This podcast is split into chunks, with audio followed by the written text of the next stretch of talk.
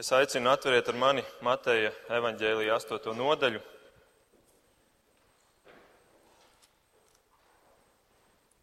Divdesmit trešo līdz 27. pantu, kur turpinot mūsu svētru un sēriju par Jēzus varu, šodien apskatīsim, kāda vara ir Jēzum pār dabu. Mateja 8, 23 līdz 27. Jēzus iekāpa laivā, un viņa mācekļi tam sekoja. Un redzi, jūrā izcēlās liela vētra, tā ka viļņi vēlās pāri laivai, bet Jēzus gulēja. Tie piegājuši viņu modināja saugdami: Kungs, glāb mūs, mēs ejam bojā! Jēzus tiem sacīja: Kādēļ jūs esat tik bailīgi, jūs masticīgie? Tad piecēlies, viņš apsauca vējus un jūru, un iestājās liels klusums. Bet cilvēki izbrīnā jautāja, kas viņš ir, ka vēji un jūra viņam paklausa. Jēzus vara pār dabu. Šajā svētdienas sērijā mēs apskatīsim vairākas tēmas, vairākus veidus, kā Matejs parāda, kāda vara ir šim kungam, ķēniņam, Jēzum. Bet Matejs noslēdz savu evaņģēliju ar vārdiem, kur Jēzus pasaka, man ir dota visa vara. Man ir dota visa vara. Varbūt mēs redzam visādus piemērus, kā viņam ir vara pār miesu, pār dabu, pār garu pasauli, pār grēku, pār visu kaut ko citu, bet Matejs beigās ieliek to Jēzus teikumu, kur Jēzus saka, man ir dota visa vara. Un tas mūs aizved pie jautājuma, ja Jēzus saka, man ir dota, tad kur viņš dabūja šo varu, kur viņš to saņēma, kurš viņam to iedeva, un vēl jautājums, kad viņam to iedeva. Un, protams, jautājums, kurš viņam iedeva, ir salīdzinoši vienkāršs, jo tur mēs saprotam, ka tas ir Dievs. Kaut arī Kristus pats ir Dievs, tomēr viss tiek radīts cauri Kristu. Un pirmā korintiešiem ir teikts, ka Kristus ir Dieva spēks. Kristus ir Dieva spēks, Dieva vara. Bet jautājums, kad viņam to iedeva? Un kad viņš šo saņēma, ja viņš saka, man ir dota? To uz šo jautājumu atbild Jānis. Un mēs varam aiziet uz Jāņa evaņģēlī pašu sākumu un izlasīt pirmos trīs pantus, kuri teikts, iesākumā bija vārds, un vārds bija pie Dieva, un vārds bija Dievs. Viņš bija iesākumā pie Dieva. Viss ir radies caur viņu, un nekas, kas ir radies, nav radīts bez viņa. Un 14. pantā mēs redzam, kurš tad ir šis vārds. Tur ir teikts, un vārds tāpa miesa un mājoja mūsu vidū. Un ebreju vēstulē pirmajā nodaļā ir teikts, ka Dievs ir līdzis Jēzu visam par mantinieku, caur viņu arī radījis visu pasauli. Tātad Dievs ir radījis pasauli caur Jēzu, un viss ir radīts caur viņu šī skaistā planēta Zeme, kur ir tik daudzpusīga un kurā mēs redzam tik daudz garšu, tik daudz krāsu, tik daudz sajūtu, tas viss ir radīts caur Kristu. Bet vēl vairāk viss visums ap šo mūsu zemi ir radīts caur viņu.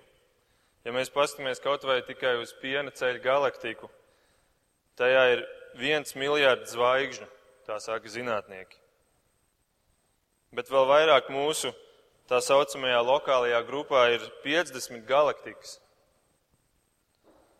Un vēl vairāk šī mūsu, mūsu lokālā grupa atrodas superklāsterī, kurā ir 100 tūkstoši galaktiku. Un visā zinājam, zināmajā visumā ir 170 miljārdu galaktiku. Un tā ir tikai tā daļa, ko mēs zinām, ko mēs esam atklājuši. Un tas viss sastāv no mazām daļiņām, no maziem atomiem. Un to visu salicis kopā ir šis Kristus, kurš, par kuru mēs šodien lasām, kurš guļ šajā laivā. Un caur Kristu radīti visplašākie, vismilzonīgākie plašumi, bet arī vissīkākās detaļas. Vismazākās detaļas, kurās mēs varam pētīt un redzēt, kāds tajos ir vēl dziļums iekšā. Piemēram, vai jūs zināt, cik daudz matērijas ir mazajā atomā? Ja mēs nopaļotu, tad patiesībā atomā ir tikai viena miljardā daļa matērijas. Vispārējais ir tukšums. Un šī mazā daļiņa, vienkārši kustās šajā tukšajā telpā un tādā veidā rodās šī ilūzija, ka tā ir ka tā visa ir matērija, ka tā visa ir, um, ka tā visa ir taustāma, taustāma manta. Un ja mēs paņemtu cilvēku un izspiest no viņa ārā visu lieko gaisu, kas ir šajos atomos, tad no cilvēka patiesībā matērija ir tikai viena miljonā daļa no kubikcentimetra. No mazā cukurgraudiņa tikai viena miljonā daļa ir patiesībā matērija.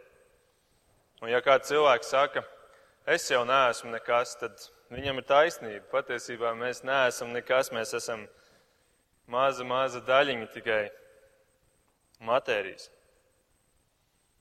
Un tā šī apbrīnojamā, neticamā pasaule ir salikta kopā no šī vīra, kurš tad vēl nebija pieņēmis miesu, no šī dieva Kristus. Un ziniet, tādēļ, ka Bībele saka, ka tas viss ir radīts caur Dievu, caur Kristu, tas uzliek zināmu atbildību uz, uz Bībeli. Jo, ja viņš saka, ka viņš tiešām ir radījis to visu, tad mums ir Bībelē jāredz arī pierādījums tam. Mums ir jāredz, ka Dievs zināja jau pirms tūkstošiem gadu, kad viņš sarakstīja pirmās Bībeles grāmatas, ka viņš jau tad zināja visu to, ko cilvēki tad vēl nezināja par šo, par šo zemeslodi, par šo pasauli. Un ziniet, tā arī ir. Bībele ir korekta jau Ījaba grāmatā, kas ir sarakstīta 1500 gadus pirms Kristus, kad zinātnieki vēl nebija sākuši pētīt daudzus jautājumus un kad cilvēki vēl ticēja aplamām teorijām tad jau Bībele runā korekti par, par bioloģiskām tēmām. Un tas mums apliecina, ka šī vārda autors tiešām ir Dievs. Ja cilvēki to būtu sarakstījuši, viņi būtu rakstījuši tajā laikā pilnīgi citas lietas. Piemēram, Ieba 26.7. Viņš izplēš ziemeļus tukšumam pāri, pakar zemi pāri neko. Citiem vārdiem sakot, Zeme brīvi pārvietojas sfērā, nevis stāv fiksētā vietā uz zemeslodes, ja, ja zemeslode stāv fiksētā vietā kaut kur. Un to tikai Nikolais Koperniks 1630. gadā zinātniski pierādīja, un to tikai zinātnieki 17. gadsimtā pierādīja. Vai, piemēram, IEP 28, 25 ir teikts, ka gaisam ir svars ko Galilejo Galilejs 1630. gadā noskaidroja un, un pierādīja. Vai, piemēram, Jona 2.6 ir teikts, ka okeāna dziļumos ir ielejas un kalni. Nevis kā cilvēki ticēja līdz 1900. gada sākumam, ka, kur, kur Džons Murijs 1912. gadā pierādīja, ka tur ir, ka nav zeme plakana okeāna dziļumos. Vai, piemēram, 3. mūzu 17.11, kur ir teikts, ka miesas dzīvība ir asinīs. Cilvēki agrāk ticēja un ārsti praktizēja asins nolaišanu, tad, kad bija kādas slimības. Viņi domāja, ka tā problēma ir asinīs, un tad, kad cilvēks, cilvēkam bija kāda, kāda nopietna slimība, viņi paņēma un vienkārši noticināja viņam asins nost. Un Viljams Harvijs 1615. gadā saprata, ka nē, tā, tā nav pareizi darīt. Un tā mēs varam lasīt par vēl visādām tēmām, ka okeānā ir, okeāna dziļumos ir dzelmes un, un ka zvaigznes ir neskaitāmā daudzumā, nevis kā zinātnieki agrāk uzskatīja, ka ir ap tūkstot zvaigžņu. Un tā tālāk, tā kā Dievs jau pierāda Bībelē, ka Viņš ir tiešām tas, kurš ir radījis šo skaisto pasauli. Un kā jau es esmu iespējams minējis, 1900. gadā biologs un filozofs Herberts Spencers, kurš pats bija ateists līdz savām pēdējām dienām,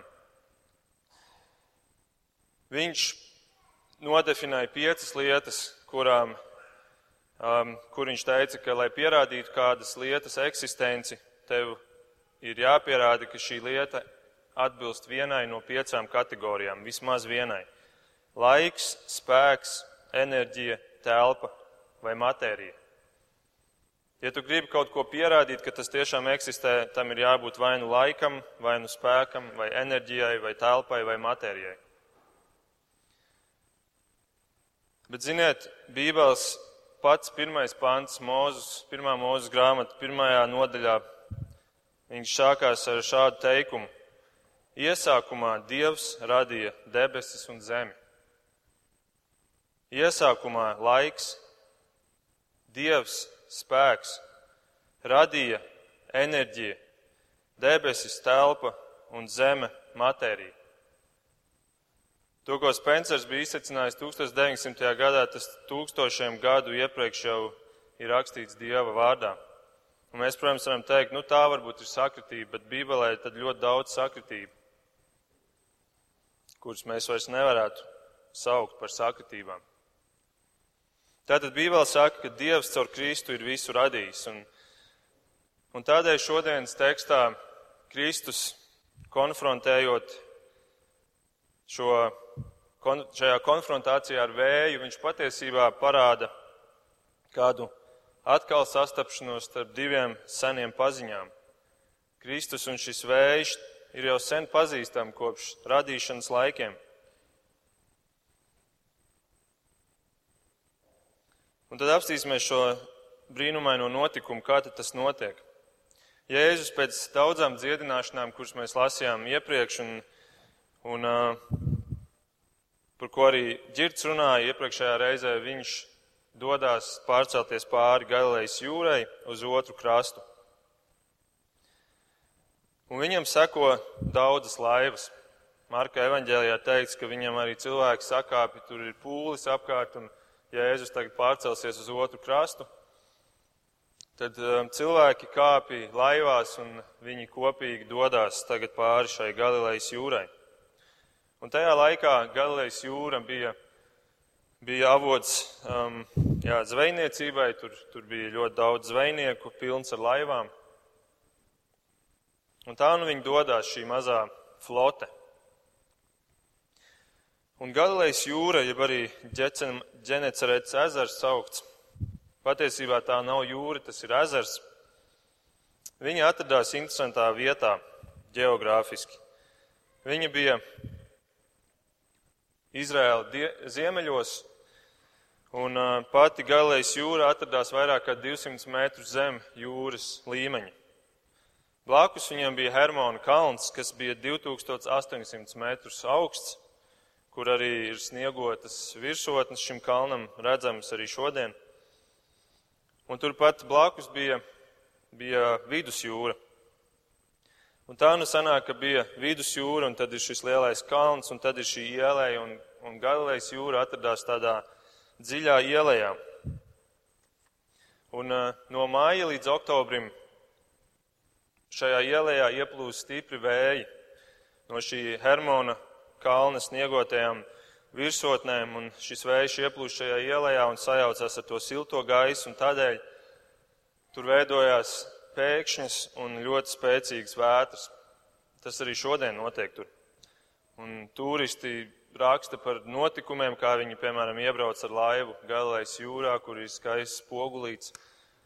Un uh, neilgu laiku vēlāk ir uznāk milzīga vētra, un viņi visi ir izmirkuši, un viņi tur velk nost krāklus, un, un tas viss viņus pārsteidz tā ļoti pēkšņi. Un tā nu arī Jēzus saviem mācekļiem iebrauc šajā Galilejas jūrā. Un šie mācekļi ir lielākoties zvejnieki. Viņi ir rūdīti, ku, kuģotāji, zvejnieki, kuri ir pieraduši pie vētrām. Viņiem šādai vētrai nevajadzētu būt nekam pārsteidzošam, nekam jaunam. Tomēr šī vētra izrādās spēcīgāka. Šī vētra ir tāda, ka viņiem viļņi iet pat pāri malām un smeļās ūdenī, laiva, laivā smeļās ūdens. Un Mateja evaņģēlijā tas grieķu vārds, kas ir izmantots šai vārdam vētra, nozīmē patiesībā zemestrīce. Tas bija, tā nebija tāda parasta vētra, bet tā bija vētra, kas, ko jūtā arī krastos, kas bija kā zemestrīce. Marka un Lūkas evaņģēlijā tiek izmantots vārds viesuļvētra. Un viņi, Lūkas evaņģēlijā teikts, ka viņi bija briesmās. Viņi bija briesmās. Un notiek viss šī viesuļvētra, šis, šīs briesmas un Un tad mēs lasām, bet Jēzus guļ. Jēzus guļ. Jēzus guļ uz savu spilvenu. Viesuļ vētrā. Un tas parāda tikai to, cik ļoti Jēzus bija nogurs, acīm redzot. Pēc visas šīs lielās kalpošanas, ko viņš veica, turpat krastā pūļiem esot apkārt, droši vien dienu dienām, viņš bija ļoti nogurs, tik nogurs, ka viņš spēja gulēt vētras laikā. Kamēr apkārt notiek šī iztērija, šis vīrs guļ. Un tas arī ir skaists piemērs tam, kā mēs varam lasīt un redzēt, ka Jēzus tiešām bija cilvēks. Viņam bija šīs cilvēka, cilvēka īpašības un viņam bija nogurums.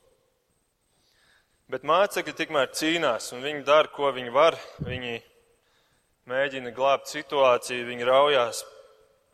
Un tomēr beigās Viņi ir spiesti iet pie šī Jēzus un prasīt viņam palīdzību.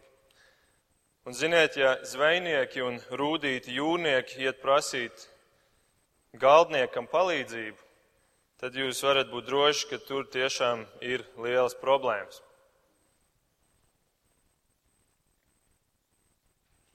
Nu, lūk, un tad, ko viņi saka? Matejs raksta, ka viņi ka viņi piegāja klāt un viņi saka, kungs glāb mūs, mēs ejam bojā. Bet Marks apraksta to situāciju no citas skatu punkta, un viņš saka, ka viņi teica, skolotāji, vai tev nerūp, ka mēs ejam bojā? Vai tev nerūp, ka mēs ejam bojā? Un, protams, tā nav pretruna, bet um, mēs varam caur evaņģēlījus, mēs varam saliekot viņus kopā parasti redzēt to kopējo situāciju. Katrs viņu apraksta mazliet atšķirīgi, bet, bet tā ir tā kopīgā situācija. Un, un šie mācekļi nāk un saka, skolotāji, vai tev nerūp, ka mēs ejam bojā? Vai tev nerūp?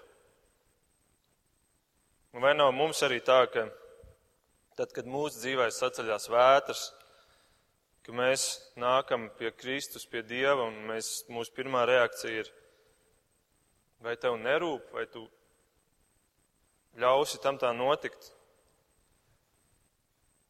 Vai tev nav svarīgi tas, kādā situācijā es esmu? Un, un bieži vien tie ir tādi pārmetumi pret Dievu. Kur tu esi, Dievs, kādēļ tu guli, kādēļ tu necīnies manis labā? Bet, ziniet, tā ir masticība, kur mēs sakam, ka vai nu Dievs nezina, kas notiek ar mums, vai arī mēs sakam, ka Dievam nerūp. Un tad seko Jēzus atbildi, un, un no vienas puses tā ir pārsteidzoši, kā jau viss viņā. Viņš saka, kādēļ jūs esat tik bailīgi, jūs masticīgie? Viņš šeit pasaka, jā, jūs, jūs tikko parādā, parādījāt masticību. Protams, no cilvēciskās skatu punkta mēs teiktu, kā Jēzus, kāpēc tu vēl pārmet? Mēs nākam prasīt tev palīdzību, un tu tagad pārmet mums, ka mēs esam pārāk bailīgi. Protams, Jēzus nepārmet to, ka mēs nākam lūgt palīdzību, bet Jēzus pārmet kaut ko citu. Un atkal paņemot Marka paralēlo raksturvietu, Jēzus tur viņiem jautā, vai tad jums vairs nav ticības? Vai tad jums vairs nav ticības? Vai tad jūs tiešām domājat, ka šādi viss beigsies misijas vidū? Jūs taču zināt, kas ir rakstīts par mani, jūs zināt, uz kurien mēs dodamies, un jūs zināt, ka es esmu Dievs, ka es esmu Mesija. Vai tad jums vairs nav ticības? Jūs domājat, ka šis viss šādi beigsies? Un tas man liek domāt par kādu citātu, ko es pirms kādiem diviem gadiem izlasīju, un kas arī, ko es arī turu savā dzīvē kā tādu, kā tādu iedrošinājumu, kur ir teikts, ka dieva cilvēks dzīvodams dieva gribā ir nemirstīgs, kamēr viņa darbs nav pabeigts. Un uh, pirms kaut kāda, es nezinu, pusotra gada es um, lidoju uz Angliju lidmašīnā, un, un tas bija tas laiks, kad es arī sāku šeit sludināt, kad, kad, um, kad uh, bija tā iespēja nākt jūs priekšā un sludināt un uzsākt šo, šo jauno kalpošanas darbu. Un, un man tā sajūta bija, ka es vispār esmu uzaudzis ar tādu sajūtu, ka, ka Dievs mani kaut kam, kaut kam ir sagatavojis šajā dzīvē. Ka es nenodzīvošu tādu dzīvi, kur, um, kur, kur, kur teiksim, es, es um, um, jā, tādu vienaldzīgu dzīvi, un kur Dievs nevarēs man lietot, bet ka Dievs man ir kaut kam sagatavojis nākotnē. Un tad, sākot šo kalpošanas darbu, man bija tā sajūta, nu tad beidzot es esmu sācis šo savu misiju. Un es sēdēju tajā lidmašīnā un es tā skatījos apkārt uz tiem cilvēkiem, un es domāju, ja jūs zinātu, ka jūsu lidmašīnā sēž cilvēks, kurš ir sācis savu misiju un kurš tādēļ ir nemirstīgs savā ziņā, cik jūs varētu droši lidot šajā reisā. Un, protams, es, es tam ticu, un, un, bet tā mācība ir tā, ka mums katram ir šāda misija. Tas nav tikai es, bet uh, mums katram Dievs ir devis šādu misiju, un mums katram, tāpēc arī Kristus, es ticu, aicina dzīvot ar ticību un, un nebaidīties un, un nebūt tādiem, kuriem vairs nav ticības. Apzinies savu misiju un dzīvo ar to. Un, Bet Jēzus šajā jautājumā ir vēl kāda interesanta pazīme. Viņš saka, kādēļ jūs esat tik bailīgi? Un tas vārds bailīgi ir grieķu valodā deilos, kas nozīmē gļēvi vai mazdūšīgi. Un šis vārds deilos, jeb šīs bailes, patiesībā ir grēks. Jo atklāsmes grāmatā 21 ir izmantots tas pats vārds bailes tiem, kuri neieies debesu valstībā bet kur vieta būs uguns un sēra jūra, kas ir otrā nāve. Tie, kuri ir bailīgi, kuri, kuri netic Dievam, kuri ir bez ticības, tā kā Marks saka. Nu, lūk, un tad tā mācība no, šī, no šīs sarunas vien mums ir tā, ka, ja tev ir ticība, tad tu vari tikt galā ar jebkuru dzīves vētru. Vienalga, vai tā būtu veselība, vai tā būtu tava laulība, vai tā būtu kādas citas attiecību problēmu risināšana, vai, tā ir, vai tās ir finanses vai jebkas cits. Ja tev ir ticība, tad tu spēsi tikt ar to visu galā.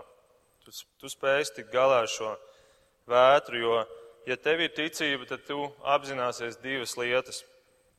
Un to ir ļoti svarīgi paturēt prātā. Pirmkārt, tu ticēsi, ka Dievs mani mīl, ka Dievs mani mīl, ka viņam rūp tas, kas notiek ar mani. Un otrkārt, tu ticēsi, ka viņam ir spēks mani glābt. Ka viņam ir spēks, tu neapšaubīsi viņa spēju. Un viss šīs divas lietas ir tās, ar kurām tu vari tikt galā, jebkurā dzīves vētrā. Un pat ja lietas nenotiek tajā laika termiņā un grafikā, kā es biju iedomājies, vai nenotiek tajā veidā, kā es varbūt to sagaidu. Tik un tā tu ticēsi, ka Dievs ir pāri visam, Viņš kontrolē šo situāciju, ka viņš mani mīl, es viņam joprojām rūpu, un ka viņš arī spēja mani glābt. Tā ir ticība. Bet lūk, šie mācekļi viņa apšaubīja. Viņi teica, vai, vai tiešām tev rūp, vai tad tev nerūp, ka mēs ejam bojā?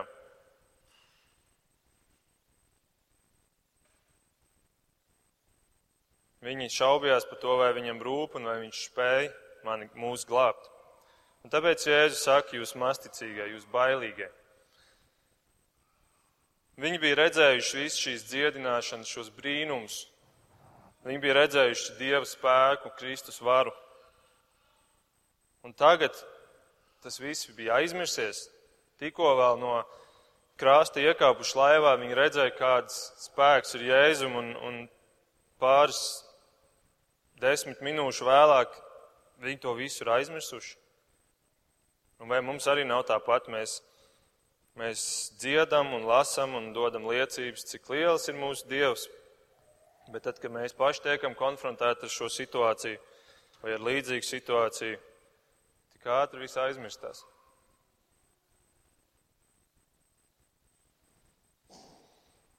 Masticība ir neusticēšanās, ka Dievs tevi mīl, vai arī ka Viņš spēj glābt tevi.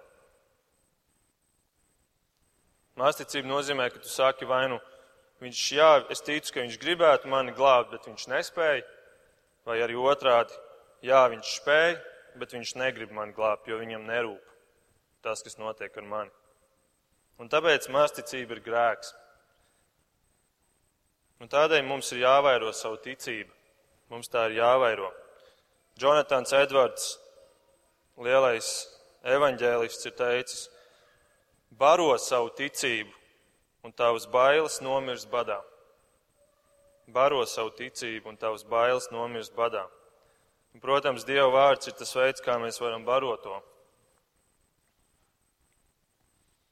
Un, ziniet, šīs vētras, kas notiek arī mūsu dzīvēs, mēs varam teikt, ka mums, mums ir prieks, ka, ka Dievs, tu pieļauj šādas lietas. Jo tad mēs varam tev pierādīt šo savu ticību. Tie ir tie veidi, kur mēs varam to pierādīt, kur mēs pat varam to pārbaudīt savās dzīvēs. Un ja tev dzīvē šobrīd ir kāda vētra, cik skaisti, tā ir tā iespēja, kur tu vari nākt un pierādīt to Dievam. O, tev nav šobrīd vētru dzīvē. Žēl, man žēl tevis. bet gan jau būs kaut kad, un tad tev būs iespēja. Un, ziniet, un ir cilvēki, kurš saka, redzi, šī vētra bija sātana uzbrukums. Tiklīdz Jēzus aiziet gulēt, tā sātans uznāk ar savu vētru un mēģina iznīcināt un apturēt šos mācekļus un, un visu misiju noraut. Bet kādēļ mēs sātanam dodam tik bieži tik lielu godu un tik lielu varu un tik lielu uzmanību. Kādēļ, lai tas būtu sātens, kurš to dara? Varbūt Dievs to dara, pieļauj to. Tādēļ, lai pārbaudītu tevi. Atcerieties, mēs iepriekšējā sērijā par draudzēm runājām par to, kā, kā vienā no šīm draudzēm Jēzus saka, ka sātans nāks un cīnīsies pret jums, un, un jūs būsiet, tiksiet apcietināti desmit dienām. Šeit Jēzus pasaka, es zinu, ka tas notiks nākotnē. Es zinu, ka sātens nāks, un es pieļaušu to. Es pieļaušu to, un Kristum, Kristum ir šī vara to pieļaut. Jā, kādreiz tas ir sātans, bet mēs nevaram vienmēr teikt, ka tas ir sātana uzbrukums.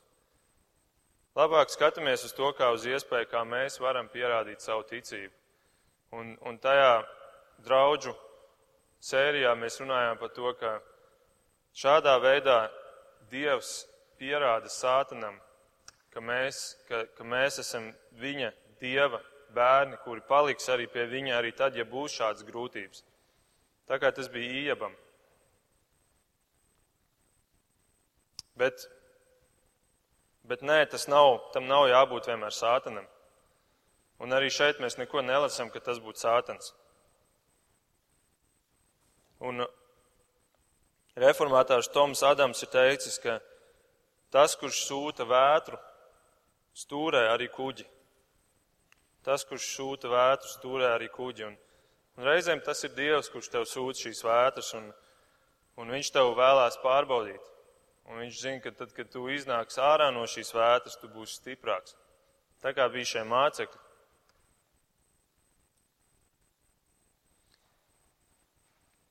Un, ziniet, manā dzīvē šogad ir bijušas arī tādas trīs vētras. Tādi trīs, es viņus saucu par, par sitieniem, tā kā mēs ar sievu par to runājām. Es nesaukšu, kas tās ir konkrēti, bet tādas trīs lietas, kur, kur es domāju, ja es būtu tāds vājš ticībā, tie būtu veidi, kā, kā, kā tu vari varbūt sabrukt, vai tas, ko tu dari, var, var apstāties. Bet šajās trijās lietās es visās spēju pateikt, paldies Tev, Dievs, par šo, par šo, par šo vētru. Un, un es vēlos, ejot cauri šai vētrai, pierādīt Tev savu ticību. Un es to nesaku, lai sevi paaugstinātu. Es pats ar to, par to mācos un, un mācos to darīt, bet, bet šī, šie pēdējie nepilnie divi gadi Vīlandē, kur, kur es esmu varējis arī sludināt, man pašam ir tik daudz ko iemācījuši. Un ja tie nebūtu bijuši, man būtu daudz grūtāk iet cauri šīm vētrām. Tā kā ticība var mācīties, ticība var mācīties un, un dariet to, barojiet sevi ar ticību. Un tad jūs bailes nomirs badā un jūs spēsiet iet cauri šīm vētrām. Un dažreiz Dievs izvēlās vētru apturēt ātrāk nekā mēs varbūt sagaidām un spējam iedomāties. Jēzus pieceļās, un Marka evaņģēlijā teikts, viņš saka, klusu rimsties. Un tad notiek tas, ka, kas ir neticami, neaprakstāmi. Iestājās liels klusums. Vēji beidz pūst, ūdeņi norimst un iestājās liels klusums šajā bildē. Un es iedomājos, turpat apkārt cilvēki iespējams ciematos dzīvoja vai kaut kur pa kalniem gāja, un, un, un, un viņi tā ierauga, ka pēkšņi viss apstājās un iestājās pilns klusums, liels klusums. Cik abrīnojami. Kaut kas tāds nekad nav pieredzēts. Un Jēzum ir vara pār dabu. Pat vēju viņam klausa. Dieva daba pielūdz šo kungu un radītāju, un tad, kad viņš pasaka klusu, mierā, tad vēji apstājās. Un cik skaista mācība tā ir mums, kā radība klausa savam, savu radītāju. Ne tikai vēji, bet kā visā šajā pasaulē, visu, ko ko Kristus ir radījis, kā viņš pienes godu un, un kā tie pielūdz savu kungu. Un tad mēs lasām, ka cilvēki brīnījās un teica, kas viņš ir, ka vēji un jūra viņam klausa. Kas tas ir par cilvēku? Mums nav, mums nav, mums nav tādas kategorijas, kurā mēs varam šādu cilvēku ielikt. Kas tas ir par cilvēku? Un Marka evaņģēlijā teikts, ka viņus pārņēma lielas bailes. Tas viss bija tik, tik neparasti, tik, tik pēkšņi, tik, tik lielā mērogā, ka, ka viņus pārņēma lielas bailes. Un ziniet, kad vētra sākās, tad viņiem bija bail. Bet tad, kad vētra beidzās, tad viņiem bija vēl vairāk bail. Un bailīgāk par stāvēšanu vētrā ir stāvēt Dievu priekšā. Kad tu redzi, ka tas ir Dievs, kurš stāv tavā priekšā. Kad Ieps ieraudzīja Dievu caur saviem dzīves apstākļiem, grūtajiem, viņš teica, līdz šim es tikai no ļaudīm biju dzirdējis par tevi, bet tagad arī man acis tevi ir skatījusi. Tāpēc es atzīstu sev par vainīgu un nožēloju savu rīcību, būdams gatavs sēdēt pīšļos un pelnos. Jēsai ieraudzījis Dievu, izsaucās: Bēdas man, jo es esmu nāvei lemts. Es esmu cilvēks ar nešķīstām lūpām un dzīvoju tautas vidū, kam nešķīstas lūpas. Un tagad no nu es redzēju ar savām acīm ķēniņu to kungu cebotu. Kad Daniels ieraudzīja Dievu, viņš teica, skatot to, ko es redzēju, mani pārņēma tādas nāves bailes, ka man zuda spēki. Pēters Jēzu ieraudzījis Dievu pēc tam, kad viņš bija piepildījis Pēterim laivas ar pilnas ar zivīm. Viņš teica, kungs, ej prom no manis, jo es esmu grēcīgs cilvēks. Pāvils ceļā uz Damasku, sastopot Jēzu, nonākot Jēzus priekšā, nokrita gar zemi un kļuva akls. Un Jānis atklāsmes grāmatas sākumā, redzot Jēzu šajā vīzijā, saka, viņu ieraudzījis, es nokritu pie viņa kājām kā mirs. Tā ir tā patiesā attieksme, ka tu stāvi Dievu priekšā.